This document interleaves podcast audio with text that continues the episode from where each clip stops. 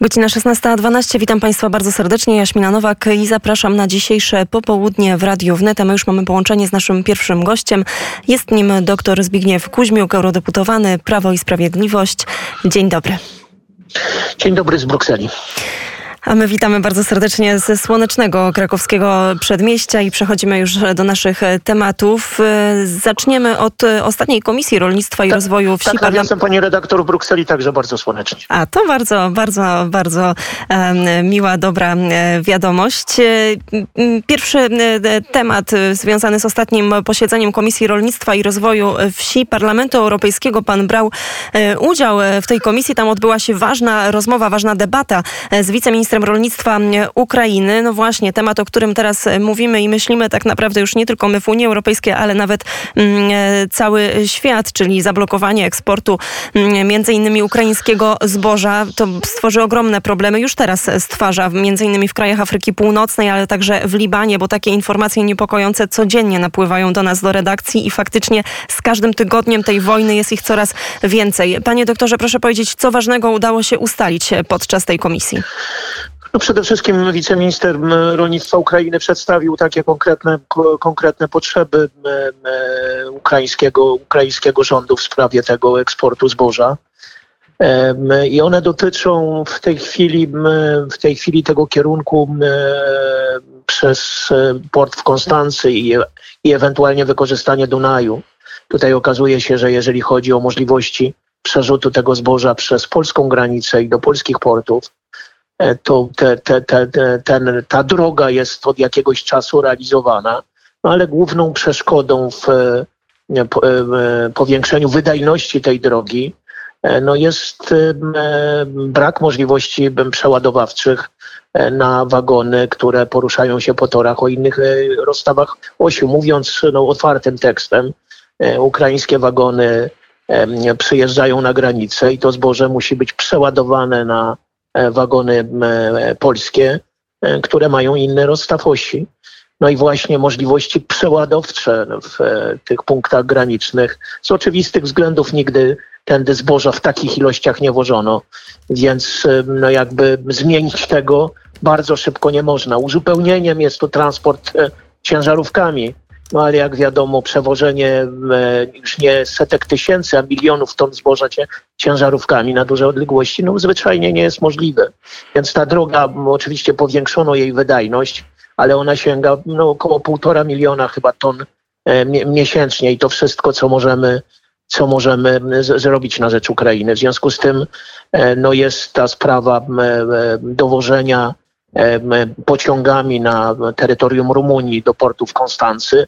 No i stamtąd to by była najbliższa droga do, do Afryki. No ale ten port ma także e, no, określoną wydajność. Co więcej, no, linie kolejowe rumuńskie mają podobną charakterystykę jak polskie, więc tam także potrzebny będzie przeładunek. No właśnie, panie Więc doktorze, to... a to wszystko to też, przepraszam, że tak wchodzę w zdanie, ale to też są ogromne koszta.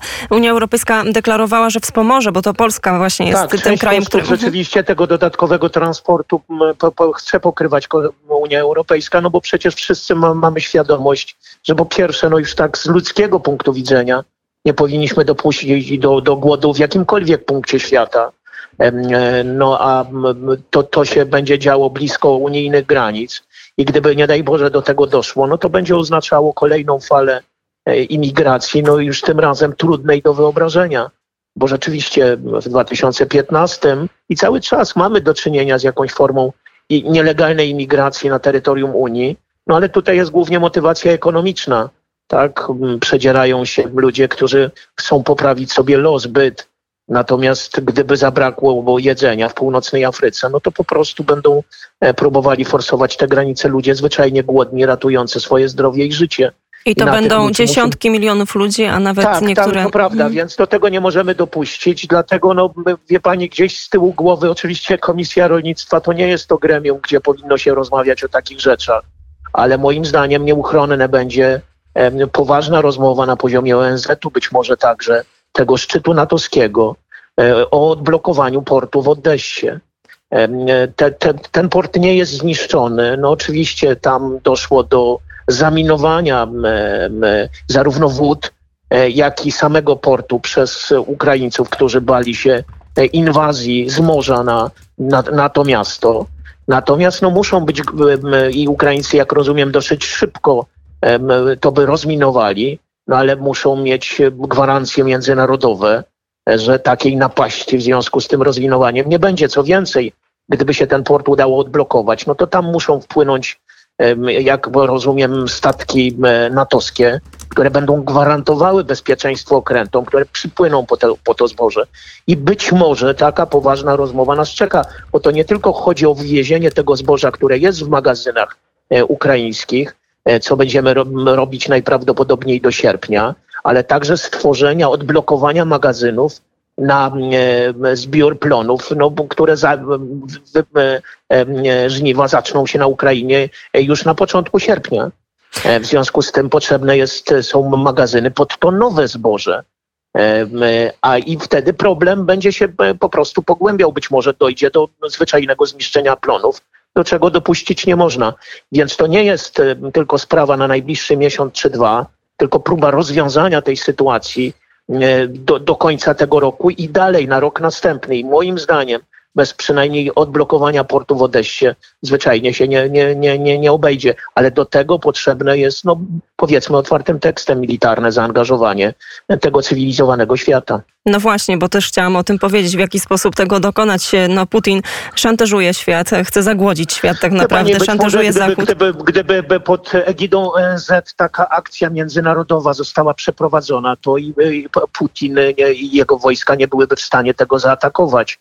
Więc oczywiście nie chodzi o wywołanie czy wciągnięcie e, tego bloku obronnego w wojnę z Rosją, ale moim zdaniem ze względów humanitarnych, światowych względów humanitarnych, być może taka akcja e, będzie za jakiś czas konieczna, jeżeli się okaże, że nie tylko nie jesteśmy w stanie wywieźć tego zboża z ubiegłorocznych zbiorów, ale także e, tą blokadą magazynów doprowadzimy do tego, że jakaś część zbiorów ukraińskich tych z tego roku po prostu zwyczajnie się zmarnuje. A do tego dopuścić nie możemy. Panie doktorze, to teraz odejdźmy na moment od e, spraw e, związanych e, z rolnictwem, chociaż to wszystko no, to są takie naczynia połączone, ale przejdźmy do kwestii bezpieczeństwa energetycznego, a także ogólnie Jedno do postaw... jeżeli pani redaktor mhm. pozwoli, bo o tym nie powiedzieliśmy. Proszę. Oczywiście te, te, te braki na, na rynku zbóż, one w oczywisty sposób rzutują na ceny a więc ceny rosną. Jeżeli chodzi o ceny pszenicy, to one wzrosły w stosunku do roku ubiegłego o jakieś 50%. To przekłada się na ceny innych zbóż, innych surowców rolniczych, co oczywiście podwyższa inflację i ludziom mniej zamożnym utrudnia po prostu zakupy, powiększa ich koszty, co jest dokuczliwe i w krajach europejskich, no ale już zupełnie dramatyczne w krajach północnej Afryki. Oczywiście, ale te problemy w rolnictwie składa się już nie tylko przy blokowaniu eksportu ukraińskiego, ale przecież kwestia cen nawozów, e, gazu, to, to, to wszystko właśnie składa się na to, że już teraz e, odczuwamy i w Polsce, w wielu krajach europejskich e, wysoką inflację i mm, to wszystko właśnie na, w swoich portfelach. Panie doktorze, a w takim razie mamy jeszcze chwilkę, więc takie ogólne pytanie. Wspomniałam wcześniej o kwestii bezpieczeństwa energetycznego, ale może zacznijmy od takiej oceny ogólnie postawy Unii Europejskiej. Pan doktor już e, obserwuje od ponad, ponad trzech miesięcy um, tą wojnę na Ukrainie i to jakie były reakcje e, państw Zachodu i jakie ma pan przemyślenia, jakie ma pan refleksje? Wie pani, ustalanie tych kolejnych pakietów idzie jak po grudzie, ale szczęśliwie idzie. No tutaj, jeżeli chodzi o, o te ustalenia i kształt tych pakietów, no to, to jak pani się domyśla, ponieważ to, to, mu, to musi być jednogłośne, to jest tak zwany najniższy wspólny mianownik. No każdy z tych krajów próbuje uszczknąć e, w tych kolejnych sankcjach coś tam dla siebie. E, no właśnie w związku z tym ich skuteczność no często, no nie powiem, że jest iluzoryczna, bo, bo, bo wprowadzałbym opinię publiczną w błąd, no ale po prostu one są mało szczelne. Zresztą te dane, które prezentują międzynarodowe organizacje, pokazują, że mimo właśnie E, tej zgody co do, co do ograniczenia zakupów gazu, ropy, e, węgla, no to Rosja wprawdzie z, z, z, z tych e, rynków europejskich zebrała już te, przez te miesiące wojny 93 miliardy euro w sytuacji, kiedy za cały rok poprzedni miała 224 miliardy euro. Czyli to pokazuje skalę wzrostu cen surowców energetycznych, a także, no, co tu się dużo oszukiwać, także dodatkowe zakupy, głównie przez kraje Europy Zachodniej. Tak nie powinno być, ale no niestety, niestety, niestety jest. A co do, co do wpływu na Rosję, no to nie, nie, nie ulega wątpliwości, że, że właśnie kolejne te pakiety e, sankcyjne, no i dostawa ciężkiej broni dla Ukrainy. Innego wyjścia nie mam. Żadne zabiegi dyplomatyczne, apele e, do Putina, rozmowy, które prowadzą zachodni przywódcy z tym satrapą nie przynoszą żadnych rezultatów, więc jedynie tego rodzaju twarde fakty, jak sądzę, mogą do, doprowadzić do tego, że Putin się i jego otoczenie się opamiętają. Ale tak naprawdę no, jedynym możliwym rozwiązaniem sytuacji e, to jest potężne osłabienie Rosji, no i wygrana u, Ukrainy. Jeżeli do tego nie dojdzie, to będziemy mieli tlący się konflikt, który co jakiś czas zamie zamieniał będzie się w wojnę, jak Rosja będzie odzyskiwała siły, no a wtedy to zagrożenie będzie się przenosiło do, do, do krajów sąsiednich. Bo przecież e, ta ekipa, mimo tego, że w tej wojnie, po, można powiedzieć, strategicznie Rosja już poniosła porażkę, to słyszymy propagandowe e, wezwania do tego, że no kolejne kraje to oczywiście kraje nadbałtyckie, a także i Polska, więc to e, nie, ci, którzy na Zachodzie uważają, że jeżeli byśmy przymusili Ukrainę do tego, żeby oddała część terytoriów, to, to Rosję to ostatecznie zaspokoi, no są w błędzie. Nie zaspokoiło w 2014 roku, nie zaspokoi i, i teraz. E, I w związku z tym nie mamy innego wyjścia, tylko rzeczywiście wspierać Ukrainę ze wszelkich sił, między innymi tymi sankcjami na Rosję, no i dostawą ciężkiego uzbrojenia. Ukraińcy ch chcą walczyć, trzeba im tylko stworzyć warunki do tego, żeby, żeby byli w stanie także zwyciężać.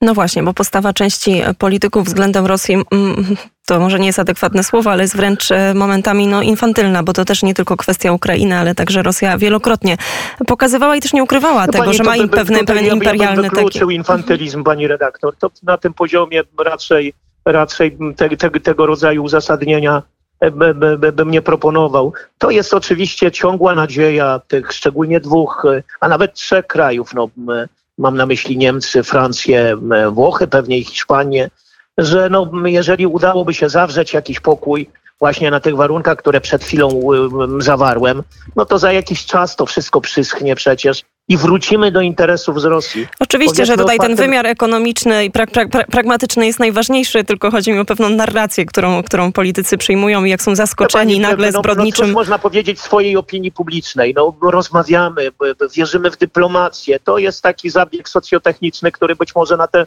społeczeństwa działa. A tak naprawdę to jesteśmy pod wpływem tego wielkiego lobby gospodarczego, dla którego tanie surowce no to oczywiście konkurencyjność gospodarki, e, no i eksport. Niemcy przekonywali nas przez, przez wiele lat, że są tacy mądrzy, zaradni, pracowici. No i w związku z tym powinniśmy się od nich uczyć, ale tak naprawdę centrum ich sukcesu, podstawa ich sukcesu gospodarczego i tego, że są drugim eksporterem świata, to powiedzmy sobie otwartym tekstem, to jest siła robocza ze wschodu i surowce, tanie surowce z Rosji. To jest podstawa konkurencyjności gospodarki. No i właśnie ten czynnik wymyka im się z rąk i są przerażeni. Panie doktorze, to już ostatnie pytanie i poproszę o taką odpowiedź, która zmieści się w dwóch e, minutach. E, doty pytanie dotyczące, starał. dobrze, dotyczące Krajowego Planu Odbudowy tych pieniędzy, na które bardzo czekamy. No właśnie, w zderzeniu z wydarzeniami za naszą wschodnią granicą, z tym, że Polska przyjęła tak naprawdę cztery, mamy teraz u siebie ponad 4 miliony uchodźców z Ukrainy. Jak pan ocenia wszystko, wszystkie te wydarzenia, też nawet z ostatnich dni, które dzieją się wokół KPO? To znaczy, no, prezydent podpisał ten projekt ustawy. To porozumienie polityczne, które rząd zawierał z, z komisją, dotyczy właśnie tej ustawy, a głównie tych trzech punktów likwidacji Izby Dyscyplinarnej, no i powołanie tej Izby Odpowiedzialności Zawodowej, nowej procedury dyscyplinarnej dla, dla sędziów, no i możliwości odwołania się przed tym nowym organem tych, którzy do tej pory zostali, e, zostali skazani. Te warunki są zawarte w tym projekcie, który właśnie został opublikowany w Dzienniku Ustaw. Takie stanowisko, mimo ataków lewej strony sali plenarnej, na, przy, prezentowała także przewodnicząca von der Leyen w tamtym tygodniu w Strasburgu. Więc liczę na to, że jesteśmy na dobrej drodze do tego, żeby, żebyśmy rozpoczęli realizację te, te polskiego KPO. No czekamy tutaj tylko na decyzję Rady Unii Europejskiej, w tym przypadku ministrów finansów, która nastąpi chyba w piątek 17 i to będzie ten moment, kiedy polski KPO może być realizowany. My go oczywiście w kraju realizowaliśmy na sucho, jak się to mówi.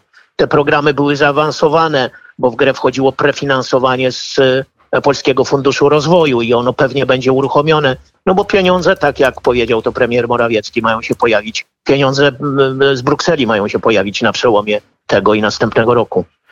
I tutaj stawiamy kropkę. Bardzo serdecznie dziękuję za rozmowę. Doktor Zbigniew Kuźmiuk, eurodeputowany Prawo i Sprawiedliwość, był gościem Radia Wnet. Bardzo serdecznie dziękuję. Dziękuję i pozdrawiam.